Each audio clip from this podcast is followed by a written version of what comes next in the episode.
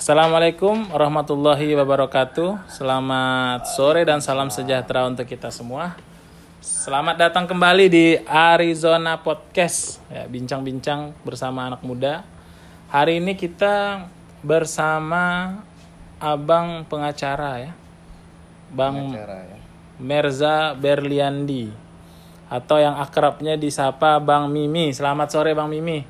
Sore, Dokter Wanda. Nah. Gimana kabar? Kita baik, alhamdulillah. Kita masih menunggu hasil swab ya. Masih menunggu hasil Hasil swab? swab. Jadi eh, sebenarnya ini dalam masa karantina juga sebenarnya.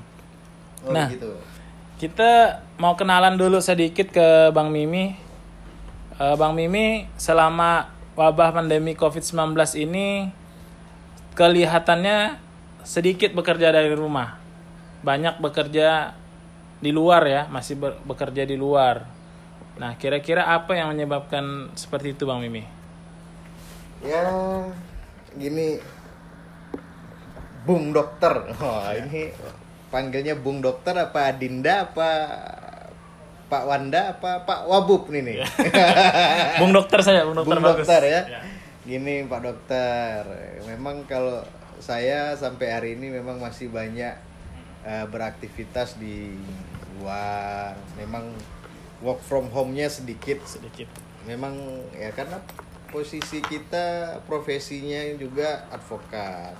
Memang harus berketemu dengan klien, berhubungan dengan instansi terkait di kepolisian, di pengadilan. Nah, memang ada beberapa jadwal-jadwal baik itu sidang, baik itu mendampingi klien di kepolisian agak beberapa tertunda, Ya. kemudian eh, harus melaporkan juga ada yang di Polda memang tertunda ya karena memang situasi eh, pandemi COVID-19 ini memang banyak mengganggu aktivitas tapi ya memang eh, untuk saya pribadi memang tuntutannya memang harus eh, masih sering di luar Bekerja di luar ya kan ya? di luar karena kalau kita tak kerja tak ada duit Iya. Ya kan? Nah, Ada duit enggak tuh gitu ya nah, nanti ya. itu kan bahasa Pak Muda ada Iya, duit enggak tuh ada kita kalau tuh. tak ada duit mana Iya iya betul kan. Sementara usaha kita warung kopi ya mengikuti aturan pemerintah gitu tutup lah. Ya, Ya. memang berdampak tapi kadang-kadang juga kita besar harapan sih sebenarnya terhadap Hmm. pemerintah ketika mengeluarkan bi- kebijakan itu eh, terkait pandemi ini dan terkait pelaku-pelaku usaha mikro. Ya adalah perhatiannya. Kayak kami gini kan begitu tutup di apa namanya begitu tutup usaha warung kopi kan pemasukan income enggak deh. Nah, cukurnya kita memang eh, warkop ini adalah side job aja. Ya. bukan bukan bukan suatu usaha pokok kita memang tapi ya adalah kita profesi kita advokat memang masih adalah. Artinya kalau untuk teman-teman yang usaha sejenis dengan saya kan kesian. Iya, Nah, betul. berdampak juga bukan hanya sekedar kayak yang selalu di ditampilkan adalah Gojek, Iya, Grab, online, ojol dan lain sebagainya. Loh ini Ya. ini luas loh yang kena dampak. Bukan mereka saja mereka masih bisa bekerja usaha dan ada pendapatan. Setidaknya cukup untuk makan. Iya. nah kalau kayak yang travel pariwisata hotel ini kolaps loh. Raksasa-raksasanya Waduh, saja. itu yang penyumbang terbesar nomor dua di Indonesia itu kan travel itu Iya. perhotelan wisata selain UMKM ya Iya. Nah ini kan berdampak sekali kasihan tenaga kerja, kasihan karyawan-karyawan yang di Hmm, dirumahkan, nah, sehingga pendapatannya kurang. Iya. Ini yang yang harusnya pemerintah ada solusinya, berilah perhatian. Iya. Bukan berarti semua pengusaha yang klasifikasi punya usaha warkop itu kemudian dia tergolong mampu. Oh iya, memang tergolong mampu ketika income itu ada revenue-nya, ada perputarannya. Kalau kalau saat ini begitu tutup semua, wah bagaimana mau menutupi ketika operasional bulanan sewa atau yang sewa? Kalau saya sih syukurnya memang tempat punya sendiri ya. Kalau yang lain Iya. kan pada sewa-sewa semua. Ini ini kan kesian gitu loh. Masa sewa belum lagi dia harus perputaran, ada kredit dan lain sebagainya yang harus menjadi kewajiban dan tanggung jawab mereka. Ini ini yang yang yang menurut saya harus adalah perhatian dari pemerintah. Iya. Nggak besar kecil pun tak masalah. Yang penting ada ya lah sentuhannya ke entah itu bentuk sembako ke atau apa ke ya kan. Iya. Yang kebutuhan-kebutuhan itu bukan berarti terlihat dia ini ya. Ya kayak kebijakan PDAM digratiskan itu udah cukup membantu lah, tapi hanya untuk kalangan tertentu. Nah ini juga harusnya pemerintah PDAM gratis ya. Iya. Memang ruko tidak kena, tapi harusnya kenapa tidak sih semua warga loh ini yang berdampak pandemi ini. Mm-mm. Bukan hanya kalangan yang tidak mampu saja. Iya. Kalangan mampu juga Banyak terdampak ya. banyak, Banyak, Nah, Oke. itu yang yang yang yang yang harus bisa kita eh, Carikan solusi ya kan ya. carikan solusi. Pemerintah harus bisa mencarikan solusi. Nah, itu Ya. dia. Oke, em, selain profesi sebagai pengacara, kemudian sebagai pengusaha warung kopi ya kan deh ya, UMKM. Nah kita kan tahu juga Bang Mimi ini sebenarnya eh, aktivis aktivis ya, aktivis organisasi, aktivis partai politik juga. Ya. Nah menurut Bang Mimi udah sejauh mana sih eh, partai politik, baik partai politik yang Bang Mimi tergabung atau yang tidak, yang yang lain yang Bang Mimi pantau, ataupun aktivitas keorganisasian seperti organisasi pemuda gitu ya, seperti HIPMI eh, atau organisasi eh, KNPI atau organisasi eksternal yang lain. Nah, sejauh mana nih keterlibatan mereka menurut sudut pandang Bang Mimi? Ya, kalau menurut hemat saya sih teman-teman, rekan-rekan sejawat, rekan-rekan aktivis, rekan-rekan organisatoris itu semuanya sudah maksimal ya, cukup maksimal.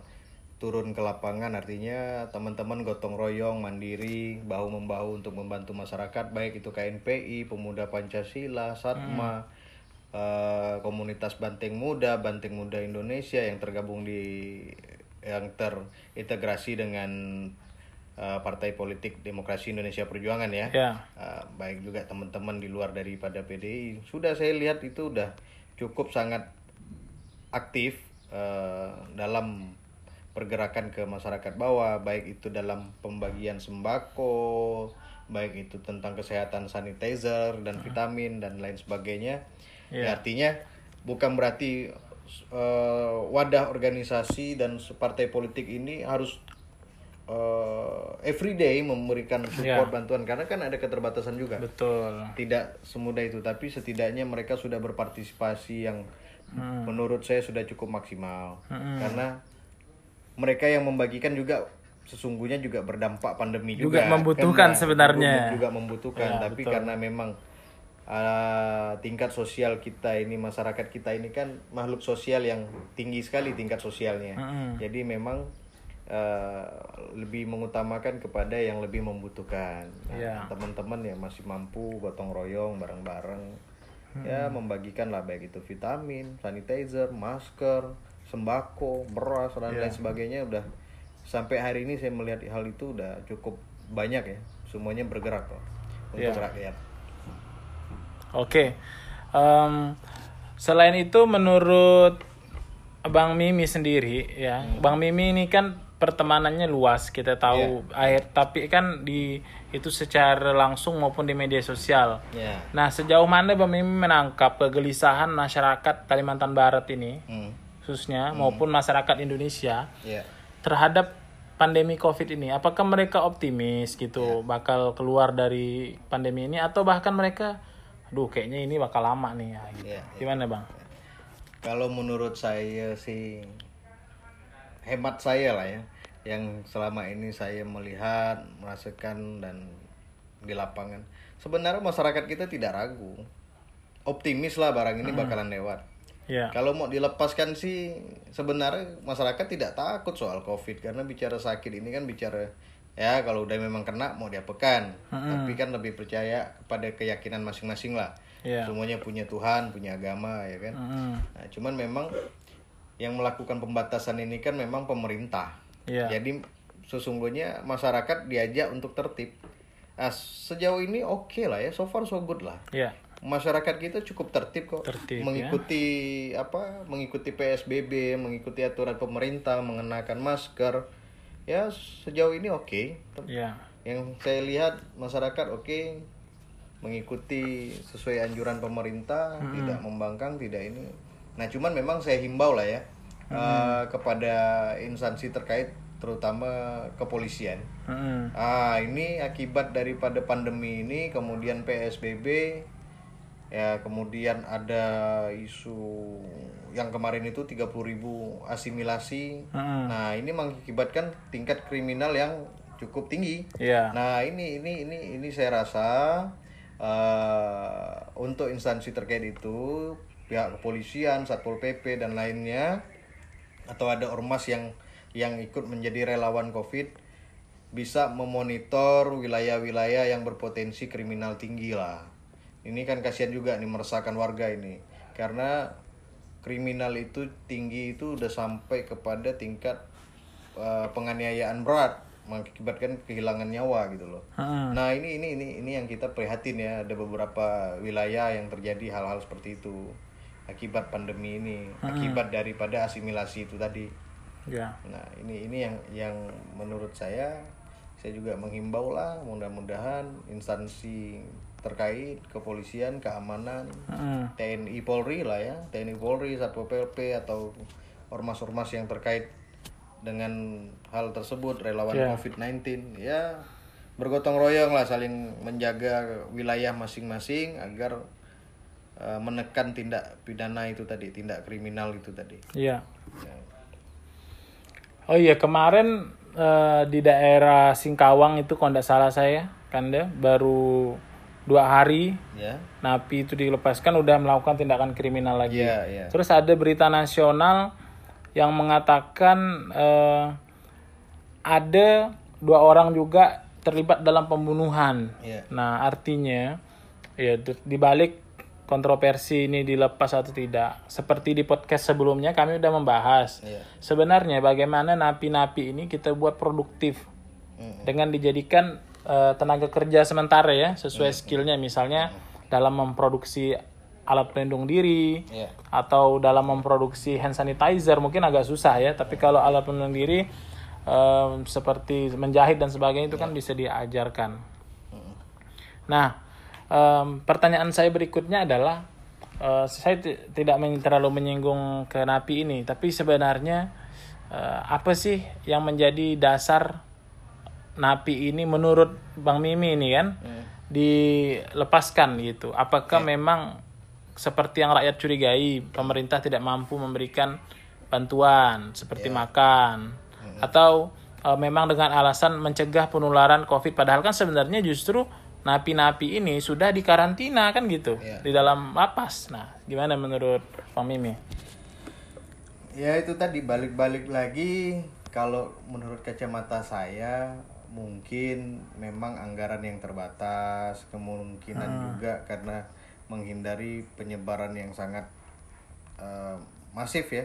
Ya. Artinya karena itu kan di dalam ya, mereka semua dalam satu kurungan dalam ruangan yang eh, sama berisikan mungkin bisa belasan sampai puluhan orang.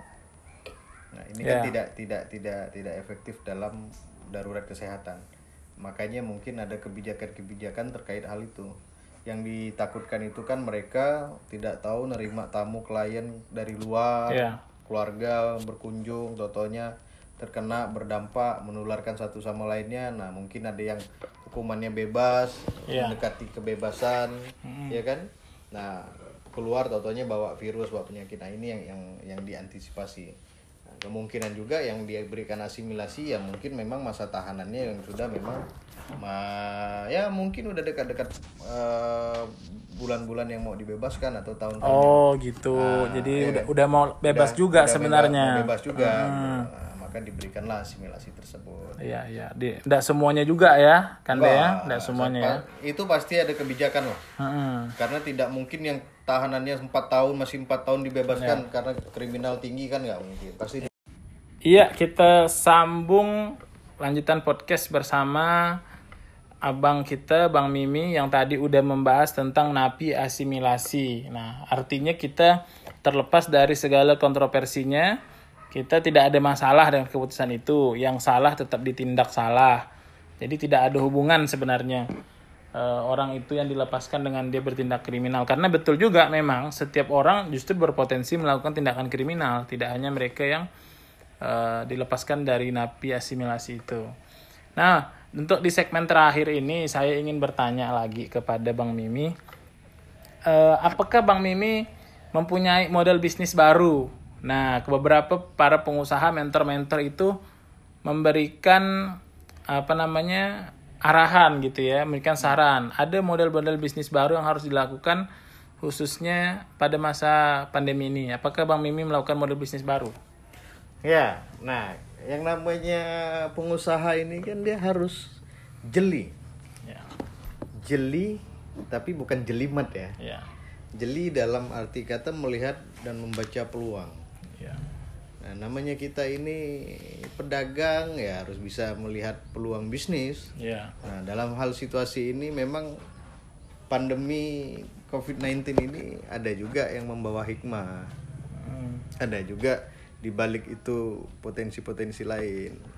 Ya artinya lihatlah peluang. Hari ini banyak sekali perdagangan alkes yang dadakan ya karena ini bisnisnya temporari sih. Memang memang sebuah peluang temporari momentum saja tapi juga tetap harus eh, penuh dengan prediksi.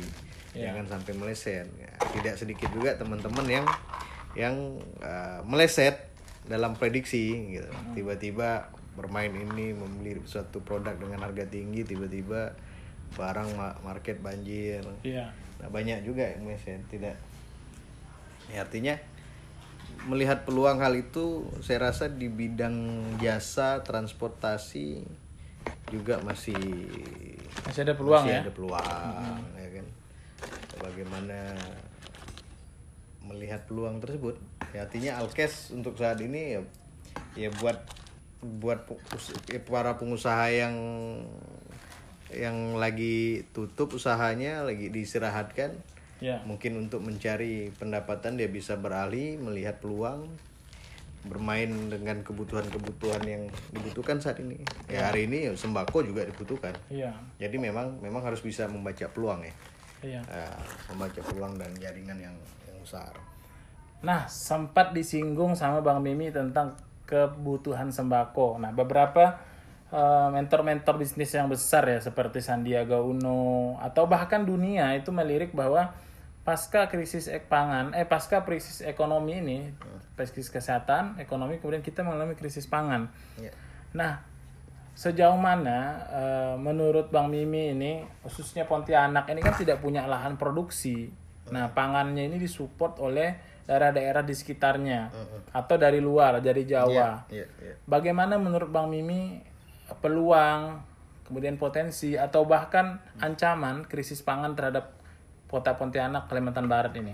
kalau saya sih memang berharap di krisis pangan biar masyarakatnya berulah jadi peta- petani semua Oh, gitu ya ya. kan? Jadi lahan-lahan kosong itu Ah, dimanfaatkan. iya dong Nah, Oke. justru sebenarnya ketika dibilang krisis pangan saya kurang sependapat Iya. sebenarnya kita lagi swasembada pangan Swasembada ya kita sekarang. harusnya ini kan lagi bulan-bulannya panen nih Iya. ya kan masuk-masuk bulan panen sebenarnya Iya. ya kan era-eranya panen nih jadi saya rasa semuanya ketahanan pangan kita cukup lah ya Iya. masih kategori cukup aman untuk eh, masyarakat Indonesia cukup lah kalau Kalbar Kalbar sampai hari ini yang saya dapat informasi Oktober Desember masih cukup pangan kita masih tahan ya? masih tahan Bang Mimi ya? masih tahan Oke, ya saya juga merasakan seperti itu sih. Saya kan eh, tinggal di daerah yang kalau di Bengkayang itu ada produksi jagung ya, Iya. produksi beras juga, kemudian ada lautnya juga, ya ada kelapa dan sebagainya. Sejauh ini memang masih belum ada krisis atau barang itu sulit dicari kelangkaan. ya Tapi memang ada seperti bahan yang tidak kita produksi sendiri seperti bawang, ya gula pasir. ya Nah, itu kita mengalami kesulitan beberapa waktu, tapi akhirnya sekarang udah distabilkan. Nah ini kadang-kadang sebenarnya ini urusan bulog ini. Oh, gitu. Ya, iya, kan? iya, Bagaimana iya. bulog ini? Sebagai ini ya badan ini logistik ya. permainan-permainan kartel yang mempertahan dan melihat momentum tertentu menahan masuknya barang Nah, ini ini kita sulit lah untuk bicara ke sana. Memang kalau kayak bawang itu selalu ada momentum krisisnya. Selalu ada ya. Selalu. Eh, Tidak hanya pada saat wabah. Tidak, tidak. Memang ada. Tetap ada bawang naik, cabai naik. Iya. Nah, wabah pun bisa naik. Oh, ini- Betul, apalagi ini- musim bulan Ramadan, Iya. hari lebaran, tahun Ini- baru. Ini saya rasa dengan pandemi begini ya masih datar aja sih sebenarnya. Kebutuhan Iya. pangan dan lain sebagainya masih ya datar-datar saja. Datar ya. Tidak terlalu bergejolak yang gimana, tidak terlalu tinggi juga Iya. resistensinya. Sebenarnya kita butuh angka masyarakat yang benar-benar ekonomi lemah sampai ekonomi bawah itu yang terdampak gitu. Sehingga hari ini eh, ketahanan pangan kita kita bisa proyeksikan akan seberapa lama karena orang-orang yang menengah sampai ke atas itu tidak ada masalah sebenarnya. Tidak tidak dibantu juga sebenarnya tidak ada masalah apalagi ASN ya. ASN itu kan dia udah punya pos sendiri. Ya ini ini inilah kalau kita bicara pangan, ASN dan lain sebagainya, sebenarnya ini kembali kembali lagi peran pemerintah dalam mengatur kuota dan kebutuhan. Nah, masalahnya ini kan pemerintahnya selalu bermain dengan data, data, data. Data ini kan by request kebutuhan aja lah. Iya. Nah ini yang yang harus harus kita pahami bahwa sebenarnya di lapangan itu membutuhkannya apa, kebutuhannya apa. Ini kan hanya permainan data sehingga memain menggiring isu, menggiring opini kepada masyarakat bahwa barang ini tidak ada. Tapi Iya. dicari ada, ada, tapi tinggi harga. Nah ini padahal ini hanya permainan penggiringan opini saja isu dan data. Nah, ini ini ini kan hanya ya itulah balik-balik lagi kartel kembali lagi pemerintah Mm-mm. ya kalau memang pemerintahnya amanah pro rakyat ya saya rasa itu bisa bisa dikondisikan Bisa dikondisikan dan dijaga kestabilannya ya, Bang ya. insya Allah stabil Oh iya, saya punya per- pertanyaan terakhir ini. Eh, tapi ini di luar konteks profesi Bang Mimi, di luar konteks eh, usahanya dan sebagainya. Bagaimana Bang Mimi menyoroti dampak COVID ini pasca Lebaran ini, pasca pulang kampung? Nah, ini kan kita dilarang nih pulang kampung karena di daerah Kalbar, Pontianak, Singkawang, kemudian Ketapang itu sudah zona merah. Nah, tapi banyak juga warga Pontianak itu yang berasal dari Singkawang, dari Sambas, dari Bengkayang atau daerah lain. Nah, bagaimana Bang Mimi melihat keseriusan himbauan ini? Apakah ini hanya slogan saja gitu, tapi tidak ditaati oleh masyarakatnya? ini pulang kampung apa mudik nah ini, ini ini ini harus harus Ini harus harus kita telaah lagi maksudnya pulang kampung. dipas- dipaskan dulu Ya. pulang kampung apa mudik nah kalau mudik pulang kampung memang sama-sama ini tapi berbeda makna ini eh, untuk saat Lebaran berarti mudik ini. mudik Mudik ya. Nah, berarti kan orang yang dari kampung Ya, bekerja di luar ya, karena libur atau apa kemudian Kembali. hari raya kembali. kembali Ya, kan nah mudik. mudik. Nah, artinya eh, keseriusan pemerintah dalam pelarangan mudik ini, pembatasan ini sangat serius. Ya, Nah, kita juga pemerintah daerah juga sudah menghimbau untuk warga-warganya masyarakat setempat untuk yang masih di luar untuk tidak mudik Mm-mm. karena dikhawatirkan akan membawa wabah terkait. ya, Jadi hal seperti ini saya rasa cukup baik. Yang saya dapat informasi by data itu kamu eh, survei orang yang bertahan untuk tidak mudik mencapai hampir 67,68 persen. tinggi juga ya sebenarnya ya, tinggi, orang yang bertahan, tinggi. Nah, betul. bertahan. Ya. Artinya memang kesadaran masyarakat juga ingin melawan wabah ini. Gitu. Mm-mm. Artinya ya menahan diri mudik ya Ya, sesungguhnya terlepas daripada menahan diri juga sesungguhnya balik lagi ke ekonomi Iya. ekonomi untuk balik soal mudik ini juga dengan pandemi ini kan ekonomi juga terbatas kan Iya. nah, penghasilan terbatas jadi untuk mudik juga tidak bisa nah kemudian eh, akses eh, perhubungannya lalu lintasnya penerbangan kapal darat ini juga dibatasi Dibatasin, kan? Nah, ya. sehingga untuk peluang untuk mereka mudik itu sangat tipis lah Kecil ya, kecil ya. kemungkinannya kecil lah Iya. kecuali via darat Pontianak Mempawah Singkawang mungkin yang masih satu pulau bisa via darat Ya. ya mungkin kemungkinan ada lah Ada potensi bocor di situ ya. potensi untuk mudik ada Ya. tapi kan masih tidak tidak apa ya tidak tidak tidak terlalu bermasalah besar besar, bukan menjadi persoalan yang cukup tinggi lah Oke, oke terakhir Bang Mimi. Saya minta pesannya Bang Mimi karena ini bulan Ramadan, udah lewat pertengahan bulan Ramadan.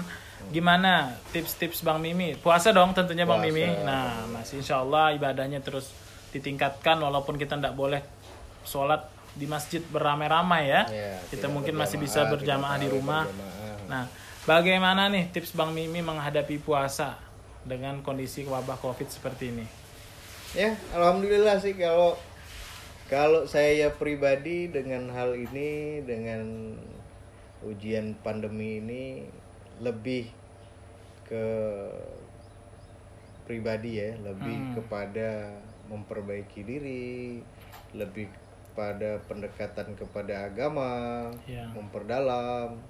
Saya juga saat ini alhamdulillah sholat tidak tinggal, Ya. insya Allah. Kemudian mengaji, hampir mau menghatamkan Quran. Ya artinya sesuatu yang jarang kita lakukan, tapi dengan kejadian ini kita akhirnya terbiasa. Ya. Nah, kemudian pendekatan pada keakraban keluarga juga semakin intens, Semakin meningkat semakin ya, meningkat. karena waktu kita di rumah Waktu lebih kita banyak. di rumah lebih banyak Iya. gitu loh. Jadi aktivitas luar memang masih sering tapi lebih banyak kita sekarang beraktivitasnya di dalam rumah. Iya. Sehingga kita bermain sama keluarga, anak, istri dan lain sebagainya, bercanda dan segala macam. Ya Iya. ini ini juga meningkatkan keharmonisasian dalam rumah tangga Iya. gitu loh. Nah, artinya Allah memberikan ujian ini pasti ada hikmahnya. Yang bagaimana Ya. kita menyaring hikmah itu sendiri. Hmm. Bagaimana kita mencari makna daripada pandemi ini sendiri gitu loh. Iya. Artinya mungkin dari beberapa kegiatan yang kita selalu lalai. Iya betul. Nah, kebanyakan kan kita ini manusia yang lalai, yang Iya. hilaf, yang terlalu masih berpikir kepada duniawi sehingga Iya. mengabaikan akhirat. Hmm. Mungkin yang tadinya dia tidak rajin sholat, dia rajin sholat, Mm-mm. yang ibadahnya kurang menjadi lebih meningkat, Iya. yang hubungannya tadi sama rumah tangganya mungkin agak bermasalah akhirnya menjadi baik. Mm-mm. Nah ini banyak juga, banyak juga Hikmah. hikmah Iya. daripada itu. Jadi memang ada hikmah dari setiap eh, percobaan Iya. atau setiap Setiap eh, musibah. Nah, apa pun itu, baik itu sesuatu yang Iya. baik maupun sesuatu yang Iya, sangat sangat berat, berat. seperti kondisi seperti ini. Ya, tergantung kita balik lagi tergantung bagaimana sudut pandang kita Iya. menanggapi hal-hal tersebut. Ya. Jadi harus bijak gitu. Ya. Jadi eh, tidak sedikit juga masyarakat yang pada hari ini terkena wabah Covid yang positif Iya. bahkan semakin meningkat. Semakin meningkat ya. Begitu juga orang-orang yang sedang isolasi diri atau yang eh, mengikuti program pemerintah PSBB ini Hmm. protokol untuk menahan diri untuk tidak keluar dan lebih banyak di rumah. Iya. Mereka juga pada banyak yang positif. Iya. Positifnya banyak yang baik-baik, banyak Hmm. yang akhirnya dengan rumah tangganya baik-baik. Mm-mm. Nah, bahkan yang positif hamil juga banyak. ini Ah, ini itu ini- nanti kita ini bahas di segmen berikutnya ya, Bang Mimi ya. gitu ya Ya, kan? ya, karena lebih harmonis ya. Lebih harmonis, Lebih harmonis ya. Ya, Benar, benar. Itu dampak langsung. ya. Dampak COVID yang Siap-siap nanti BKKBN pendataannya meningkat nih Iya. kelahiran ya. Oke. Ini. Nah, baik Bang Mimi, kita sudah Baik. Ya. eh, pada segmen terakhir sudah selesai eh, podcast kita. Mungkin nanti kita bisa ketemu lagi dalam pembahasan yang lain, Ya. mungkin dalam suasana yang lebih santai. Mudah-mudahan dalam suasana yang bukan pandemi COVID-19 lagi. Amin, amin, amin. Nah, terima kasih atas waktunya Bang Mimi. Terima kasih. Eh, terima kasih buat teman-teman pendengar semuanya. Ya, Semoga podcast ini dapat berguna dan memberikan sesuatu yang bermanfaat lah buat teman-teman. Ya, kita tunggu bincang-bincang kita di Arizona Podcast berikutnya ya. Assalamualaikum warahmatullahi wabarakatuh. Allahumma warahmatullahi wabarakatuh.